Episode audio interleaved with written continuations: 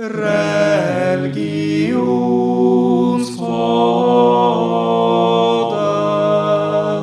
Hei, hei, hei. Velkommen til eh, nok en episode av Religionspodden. Vi har kommet til episode sju. I dag snakker vi om retninger i islam og Mohammeds rolle i islam. I hvert fall er det planen. Hva tenker dere? Nei, Høres ut som en fin plan. Den har dere øvd inn. Det er bra. har vi tenkt på. Velkommen skal dere være. Mye på. Takk. Går det bra? Takk. Du, det går fint, altså. Ja. Terningkast fire. Ja. ja. er, Fire pluss. det er bedre enn tre. Ja. Uh, vi skal uh, ikke bruke mye tid på tomprat her. Her skal vi rett til kjernen. Uh, så skal vi starte med retningene i islam. Jeg tenker det er bedre å starte med Mohammed. Eh, Det er bedre å starte med Fordi det Mohammed. er når han dør at retningene Ja, ja. Godt forslag. Kronologi. Ja, Ja. Kjør på. Hey. En annen form for narratologi og Ja, dramaturgi. ja, Ja, Skulle nesten tro du var lærer. Men eh, da kan vi jo begynne der. La oss gjøre det. Hvem var profeten? Mohammed? Ja, altså eh, For eh, hvis vi skal tanke at Mohammed er grunnleggeren av islam, mm. som han er ifølge tradisjonen, så er han jo det, men han er også profeten, som kommer med Guds budskap i form av Koranen. Og uh, ifølge tradisjonen så er det også det siste og det viktigste budskapet i de semittiske religionene. Så han trekker linjer mellom både jødedom og, islam, eh, jødedom og kristendom Ja. og sier at dette er den siste oppdaterte versjonen, versjon 3.0. Nå, peak, peak religion. Ja. Det er eh, den beste. Så Mohammed er uh, en som kommer med dette budskapet. Som han får åpenbart, da, som vi har snakket om tidligere, fra Allah gjennom engelen Jibril. Hvis vi skal sette han i kontekst, da, så må vi jo kanskje si litt om bakgrunnen hans. For han er jo en, en bereist type. Um, jobber som karavanefører. Reiser en god del rundt i, i området rundt Midtøsten og, og den arabiske halvøya. Mm.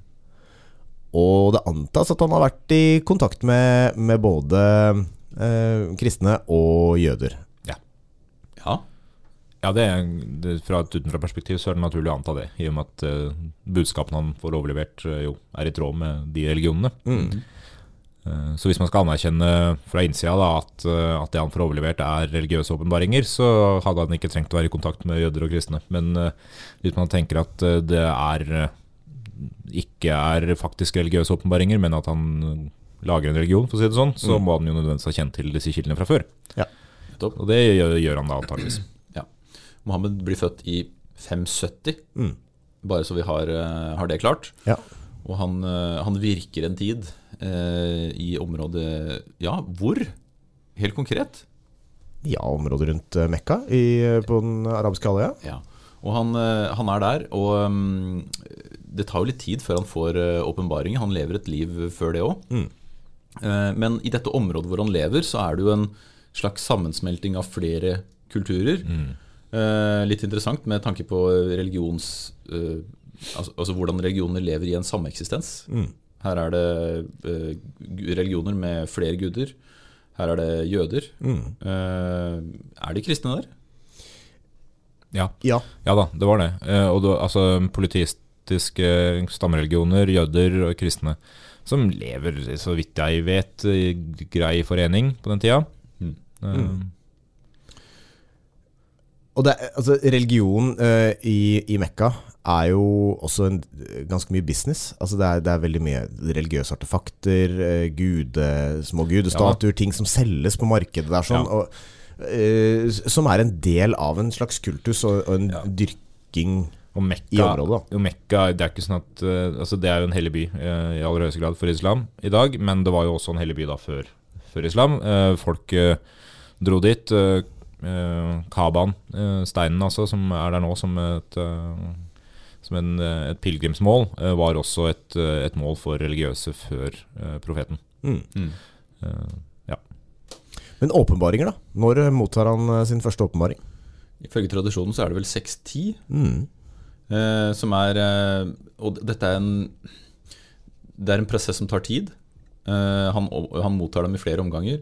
Eh, og hvis vi skal tenke avstand fra åpenbaringer til nedskrevet tekst, så går det ca. 20 år. Ja. Mm.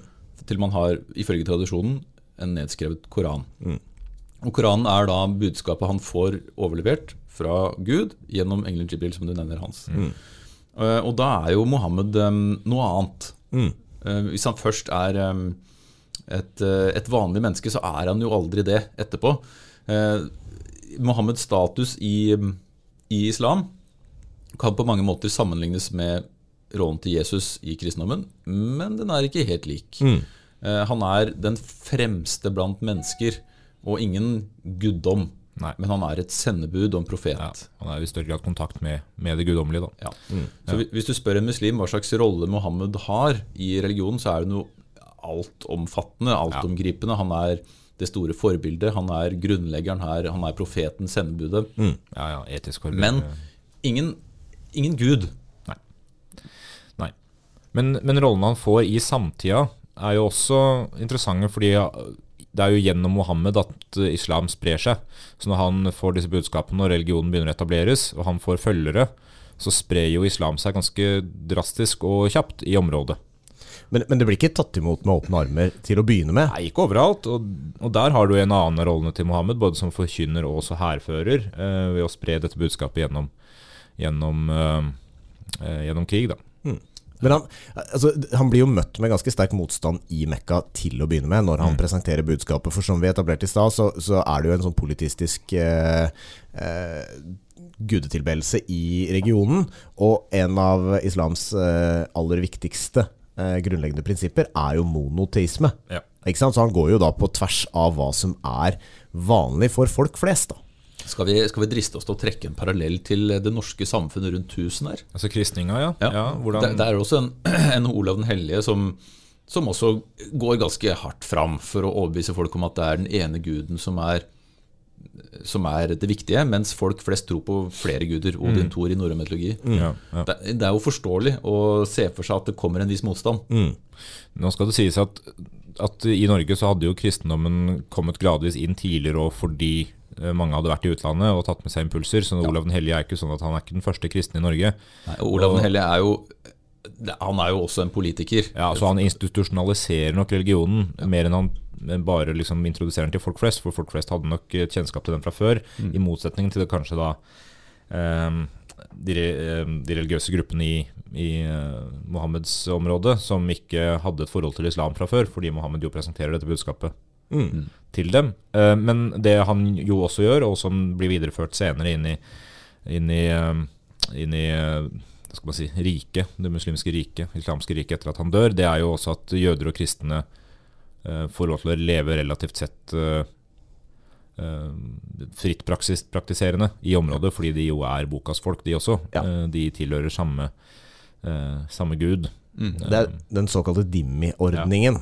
Altså en beskyttelsesordning da, for bokas folk. Ja. Det høres så fint ut. Ehm, islam som religion, når er den etablert? Er 622 som er eh, offisiell start. Og Da har man altså en, det som blir etter hvert en verdensreligion. Eh, og en av de tre semittiske religionene som vi nevnte i stad. Ok, ehm, hva bruker ehm, skal, vi, skal vi gå inn på det etiske rundt Mohammed, eller skal vi ta retningene først? Nei, jeg tenker det er greit å ta med, Vi kan fullføre litt om det etiske. Fordi en muslim ha, bruker jo Mohammed, eh, hvis vi skal ta det fra en troendes perspektiv, som et forbilde. Som et etisk forbilde som enkelt eh, kan eh, Man kan enkelt spørre hva ville Mohammed gjort? Og så kan man prøve å handle etter det. Og det er jo noe mange muslimer bruker som rettesnor for hva som er gode handlinger. Ja. Og uh, igjen, da, Mohammed er ingen, uh, ingen gud, men han Han kan, lever et kan, vi- perfekt men, ja, liv. kan vi si at han er hellig? Ja, det vil jeg si. Det Ja. tror jeg vel går Han, an. han, han, han er på en måte en, eh, en, eh, en urokkelig skikkelse Ja. som er ufeilbarlig på et vis. Det er derfor f.eks. bildeforbudet også gjelder for Mohammed, Ja. ikke bare for Gud. Fordi han er Han presenterer Guds budskap. da Han har levd et perfekt liv eh, og skal brukes som eksempel til etterfølgelse, uten at man nødvendigvis kan kreve at man kan leve akkurat som Mohammed, Nei, man fordi prøve. man er mennesker. Det er en form for dydsetikk. da at, du, at du skal strekke deg etter en dydig persons eksempel. Og Det er ikke mange dydige personer der ute, ifølge Aristoteles, men de få som er der, de kan man prøve å strekke seg etter. Og profeten er jo en av de, da. Altså, mm. Liksom Jesus og Buddha, f.eks. Ja, så han er et ideal. Eh, og uh, hvis man skal da handle på rett måte, så stiller man seg spørsmålet da hva ville Mohammed gjort? Og så forsøker man så godt man kan å etterligne Mohammeds handlinger. Ja. Og Mohammeds handlinger de finner man jo beskrevet i haditene, bl.a. Ja. Uh, som, er, eh, som er en eh, samling av tekster som dere kan høre i episode seks. Uh, som vi tok opp da. Seks. Var det ikke det? Uh, Tror du har så mange episoder? Da. Tre? Nei. Fire? Jeg har ikke Nei, peiling. det er episode seks, ja. Jeg drikker ja. Den forrige. Den forrige, som er episode seks. Ja, eh, da tok vi opp skriftene. Ja. Men um, ok, som etisk forbilde, Mm. skal, vi, skal, vi, um, skal vi driste oss til en sammenligning med Jesus der òg? Ja, det er Ja. ikke noe problem. Det er lett, det. som også er et etisk forbilde for kristne. Ja. Som også lever et perfekt liv. Som også for så vidt kan være et etisk forbilde for muslimer, i og med at Ja. Jesus jo også er en profet i islam. Ja, Ikke sant? Eh, Da i form av Isa. Ja, mens, eh, men så har man jo altså, og Bare for å pense det liksom gradvis inn på tematikken rundt dette med retninger, så er det jo litt forskjell i hvordan praktiserende muslimer forholder seg til Mohammed som forbilde også. Hvor langt går det an å gå i å følge profeten sunna? For de fleste så vil det jo være vanskelig å etterleve alt det Mohammed gjorde, fordi Mohammed levde i en helt annen tid, en annen historisk kontekst. Eh, et fåtall av ytterliggående muslimer vil nok kanskje prøve å leve sånn og ikke anerkjenne samfunnsutviklinga. Da snakker vi om eh, veldig ytterliggående retninger som ikke nødvendigvis anerkjennes som si, gode i anførselstegn muslimer av majoriteten av muslimer. Eh, folk som eh, har lagt grunnlaget for IS og sånn, ikke sant? som ikke ønsker at samfunnet skal ha endra seg fra Mohammeds tid og framover. Og som da ja, Bokstavelig tolkning av Mohammeds liv også eh, i dag, da, at de velger å følge de. De vil tilbake til Ja. opprinnelsen. Og det, det er jo Det, det gjelder jo en rekke nye retninger innenfor alle religioner, egentlig. Ja, ja, at at alle. man vil alltid tilbake til opprinnelsen, fordi det var da det var Det var da religion var best. Ja. Og edlest og renest. Ja, ikke sant. Og det, er de eksemplene finner du i kristendommen også, det, men, det er jo, men det er jo ytterpunktene av hva, hva, man, kan, eh, hva man finner. Mm.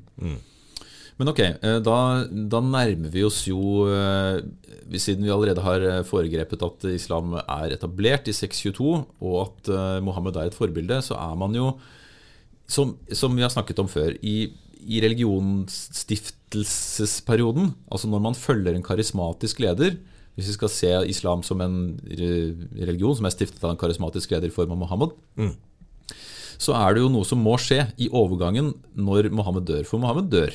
Ja, det gjør han. Han dør Eh, i 632. han er et vanlig menneske som dør. Um, ikke et helt vanlig menneske ifølge tradisjon, er men han dør. menneske. Uh, og når, når han er borte, så er jo det er jo problemet der. Hva gjør man da? For hvem skal man følge når Mohammed er borte? Ja, for det er det, da. Det blir et vaktmakum. Mm. Eh, fordi han har jo vært en karismatisk leder, som du sier, som har eh, markert seg, og som man har fulgt. Og når han dør, så, eh, så oppstår det det problemet. Hvem skal følge etter? Eh, og så ender man inn i den første den første striden om etterfølgelse, og det innebærer om, altså, om man skal ha en etterfølger som, som skal eh, på et eller annet vis eh, være Altså, Hvilke Eh, karakteristikker skal en etterfølger Ja, ha? ikke sant? Skal han være stedfortreder for profeten, eller skal han være stedfortreder for Gud? Ikke sant? Skal du beholde Mohammed som det naturlige mellomleddet? Mm. Altså, eller skal han være direkte, etter, altså direkte stedfortreder for Allah, det som kalles kalifat Allah? Eller skal han være profetens, eh, sendebudets eh, etterfølger? Eh, kalifat rasul Allah, eh, som, eh, som er begrepene der. Mm. Og så lander man jo på at det skal være det siste. Etterfølgeren etter profeten. Eller stedfortrederen for profeten. Så når han ikke er der lenger, så trenger man en stedfortreder for ham. Men hvem det er, blir jo da det neste spørsmålet. Ja. Det er jo et annet spørsmål. Eller nei, det er det samme spørsmålet, men, men, men, det, men det, det fører til en konflikt. Ja. Det, altså det ender jo opp med at man, man innfører eh, en, eh, en betegnelse på den etterfølgeren som kalif. Ja. Og, og de, de fire første etter Mohammed har jo status som kalif. Eh, I hvert fall de tre første, mens den fjerde blir jo Det er jo der splittelsen etter hvert dukker opp. Ja, for da har du fire rettledde. Ikke sant? De fire rettledde kalifene, så, og, og den fjerde er jo da også regnet som en imam. Ja. Og da må vi jo snakke litt om den, den her splittelsen. ikke sant? For vi, vi får jo de to hovedretningene i islam som eh, heter sunni og shia. Størrelsesmessig forhold mellom de er jo at sunni er, i, i, er størst.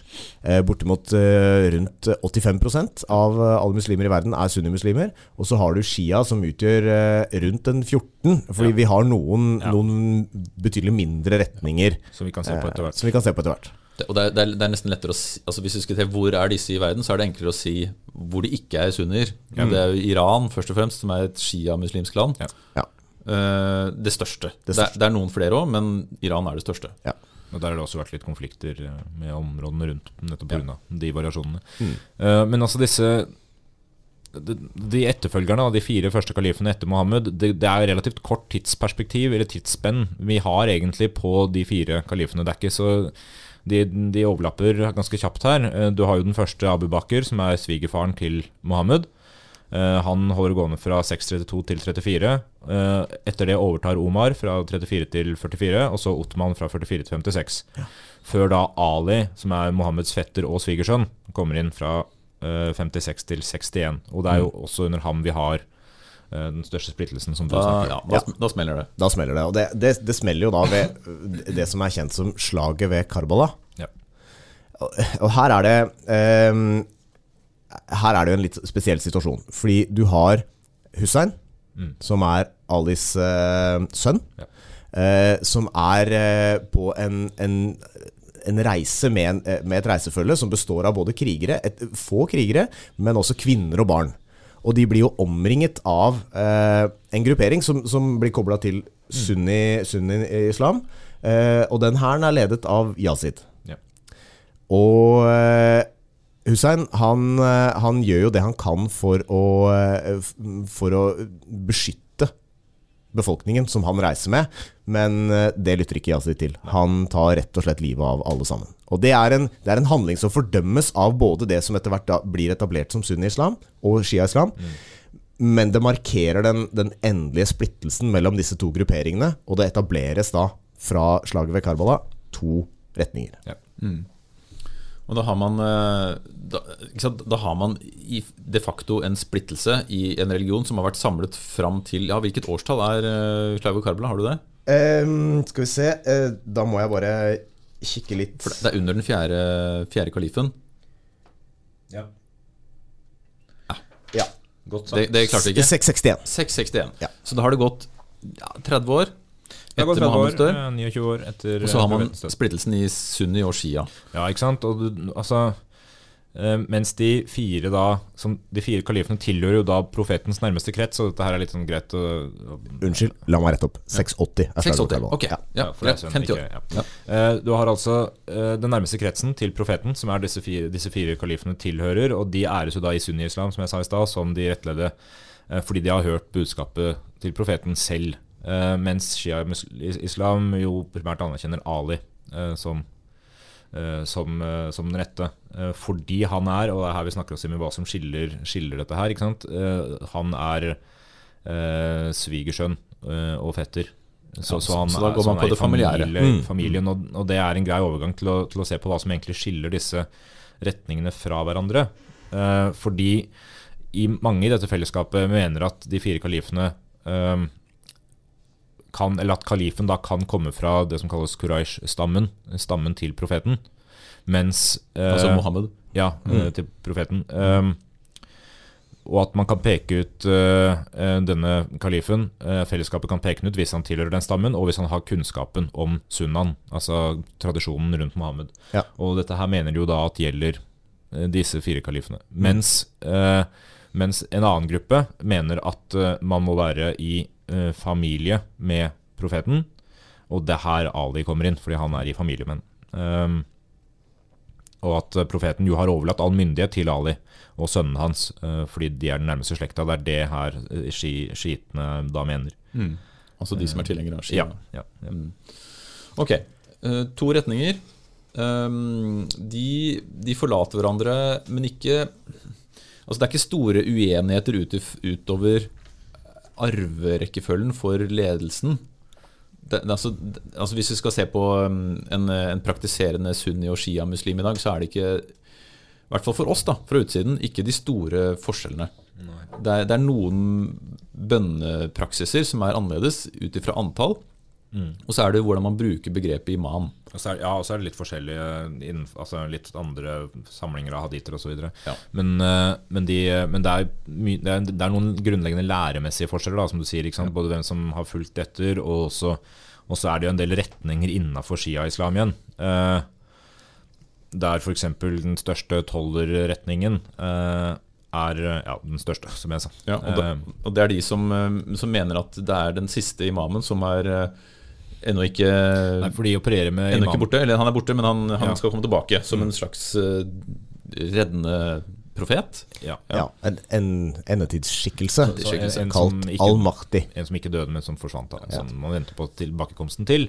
Uh, og i påvente av ham, og det er, her- det er her jo også vi ser disse, en, disse faktiske forholdene i politikken, f.eks. når vi snakker om Iran i dag, fordi begrepene videreføres til vår tid. Da. Altså, når man bruker ordet imam i daglig forstand eh, innenfor islam i dag, i hvert fall her i Vesten, så, så har man en tendens til å uh, bruke det uh, litt ureflektert rundt både sunni og shia-islam, mens for, fordi det er ikke det samme. altså I sunni-islam så definerer man en imam som en bønneleder eller leder av en lokal moské, mens i shia-islam så er imamen noe annet. Da er det den øverste lederen i islam. Og, og i og med at vi venter, de venter på tilbakekomsten til den tolvte imamen, så må man ha en stedfortreder for imamen som øverste leder nå, og det er jo en ayatollah. Ja. Ja. Og i Iran så er jo det Ayatollah Al-Khamenei, al-Khamenei. som er den øverste lederen. Men jeg, jeg tenker Hvis vi skal trekke frem én viktig eh, forskjell mellom eh, disse to retningene når det kommer til lære, så er det synet på Koranen. Og, og eh, Der ser eh, sunni-islam på at Koranen har en åpenbar mening som kan tolkes av teologer og rettslærde. Mens i, i Shia så har Koranen en indre skjult mening, som i sin tid kunne tolkes ufeilbarlig av imamene. Ja. Ok, så det, det er en slags esoterisk kunnskap Ja, der. og der, Det betyr jo også at imamene er rettesnorer for rett liv og lære i shia-islam, Ja. eh, mens Koranen og haditen er de eneste rettesnorene i sunni. Mm. Um, og ja, og, og åpenbaringen er jo da ikke fullstendig avslutta i shia-islam, eh, fordi de venter på denne. De venter. Ja, Men, men- kan jeg bare legge til en ting om, om eh, titler? da Fordi Vi har hørt imam ikke sant, som bønneleder og leder av en moské, men vi har jo også hørt uttrykket mulla. Og i shia-islam så, så er jo mullaen eh, tilsvarende det imamen er i sunni. Nettopp. Så eh, da eh, det er, det er, En mulla er da en, Ja, en, ja. en rettslærd da som kan lede en moské i shia-islam. Nettopp. Mm, mm. Bra. Ehm, det fins også flere retninger. Dette er de to hovedretningene. Eh, vi har en eh, til som er verdt å nevne, i hvert fall vi som bor i Norge. For den har en spesiell norsk historie. Uh, Ahmadiyya-retningen. Ahmadiyya, ja. Eh, den anerkjennes ikke av eh, sunni og shia som en retning innenfor islam. Nei. Men de anerkjenner seg selv som en islamsk retning. Ja, Men hva er grunnen til det? Ja, altså, eh, grunnen til at de Eller kan ha grunn til at de anerkjennes, eh, anerkjenner seg sjøl, da. Eh, Det er jo at de, de mener at de ikke presenterer et, eh, et nytt budskap, på en måte, men de, men de, men de legger grunnlaget sitt i at Hva het han? Han het Mirza Gulam Ahmad. Ja, en indisk muslim som i 1870 1889. 1889 eh, um, hevder å motta budskap. Ja, han, en, en, motta en åpenbaring. Og sånn sett eh, utfordrer på en måte Mohammeds eh, stilling som den siste profeten, Mm. den siste sendebudet. Eh, men de mener sjøl at han ikke da kommer med et nytt budskap, men, eh, men går tilbake til de Altså til de, de rette troen, da. Ja, for det skal sies at han, eh, denne Gulam Ahmad han, han var imot det han opplevde som en slags sekularisering av islam. Ja. Han ville det, t dra det tilbake igjen. Og, og opprinnelig så er jo både sunni- og sjiamuslimer positive til det. Men idet han, eh, han hevder å ha fått en åpenbaring, så setter de andre retningene på håndbrekket og sier stopp en hal. Dette er vi ikke med på. nå går det for langt. Ja. Ikke si at du er profet. Ja. Og i hvert det- fall ikke den tolvte, som mangler. Ne. Da, ja. Eh, Ikke profet, men imam. Ja, imam, ja. Ja. Men, han, eh, men, men retningen vokser nå, i hvert fall. Og vokser fremdeles, ifølge tallene jeg har, ganske kjapt på verdensbasis. Den ser ut til å være tiltrekkende uh, gjennom en del type budskap. Den har uh, Altså, nå er de fleste religioner fredselskende, men uh, Ahmadiyya vektlegger dette i særlig grad. Da. Og det er sikkert uenigheter om det eh, rundt omkring, men det er nå så. I Norge, som du nevner, Jørgen, så er den interessant fordi den etter sigende skal være den første retningen i Norge. Altså den første muslimske Ja. de, de første nordmennene som konverterer til islam, konverterer angivelig til Ahmadiyya.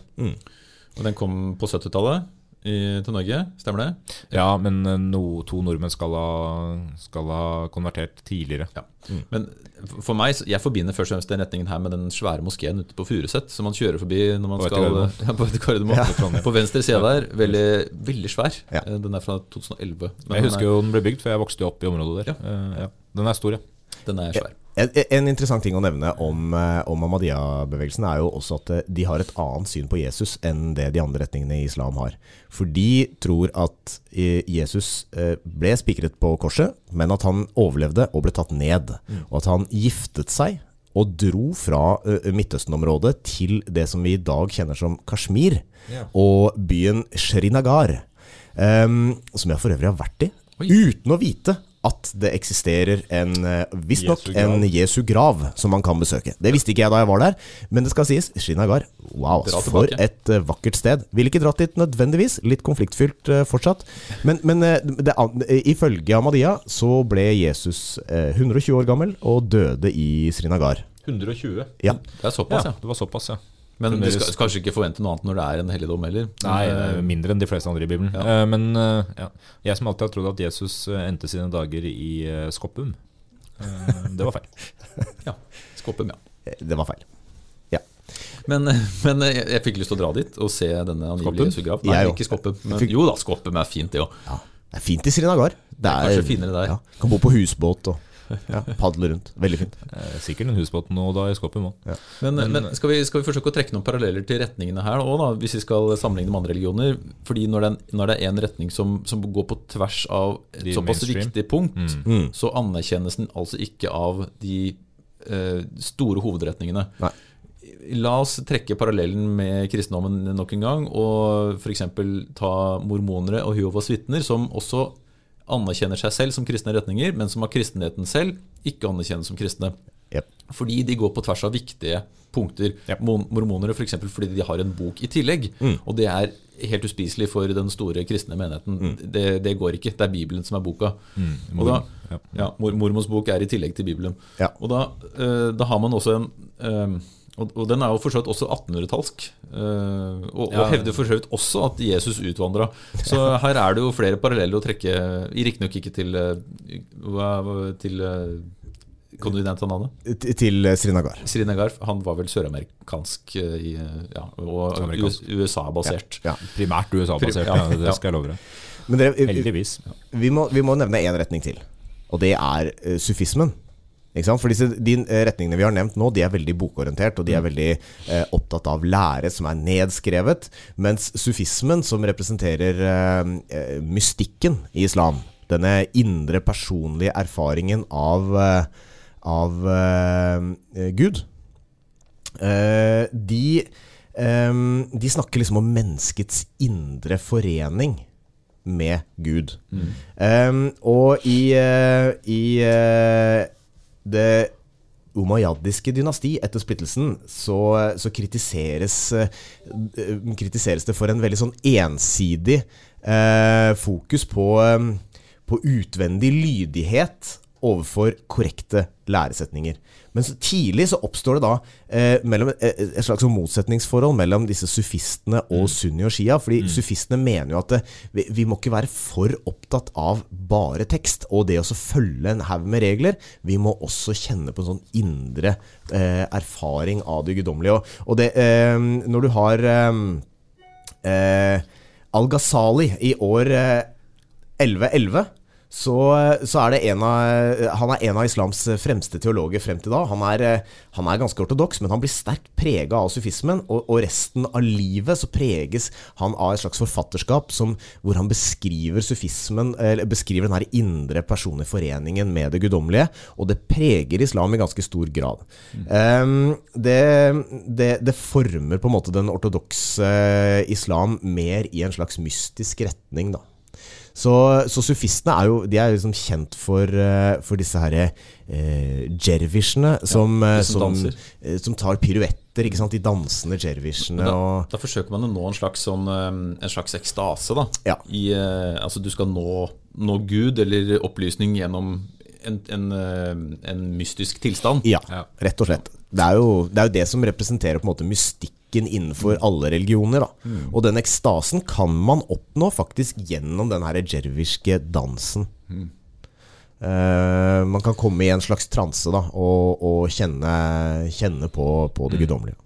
Og det er jo interessante ytterpunkter her, fordi her er det jo en retning da som, som ikke bare anerkjenner, men som også opphøyer konseptet med dans og musikk Mm. eh, som en åndelig greie, mens andre retninger, f.eks. wahhabisme, som er ytterliggående sunni-retning, eh, svært konservativ, der der IS har sine føtter for øvrig, røtter, som mener at sang og musikk ikke skal være tillatt i det hele tatt. Mm. Eh, Fordi det kan gi uønskede effekter. ja, nei, ja, det er mer fordi man Forbinder det kanskje med Ja, og at uh, eh, Ja, det er, mange årsaker til det som også ligger i mm, profetens unn, antageligvis, men som vi ikke trenger å eh, spekulere i. Men, eh, men det er i hvert fall ikke vanlig å mene det. Men, men samtidig, eh, det står litt om det i Koranen, og en del muslimer har tolka det dit hen at sang og musikk ikke er greit, mens andre har unnfunnet seg med at det er greit også fordi det jo kan gi deg åndelig innsikt. Da. Mm. Mm.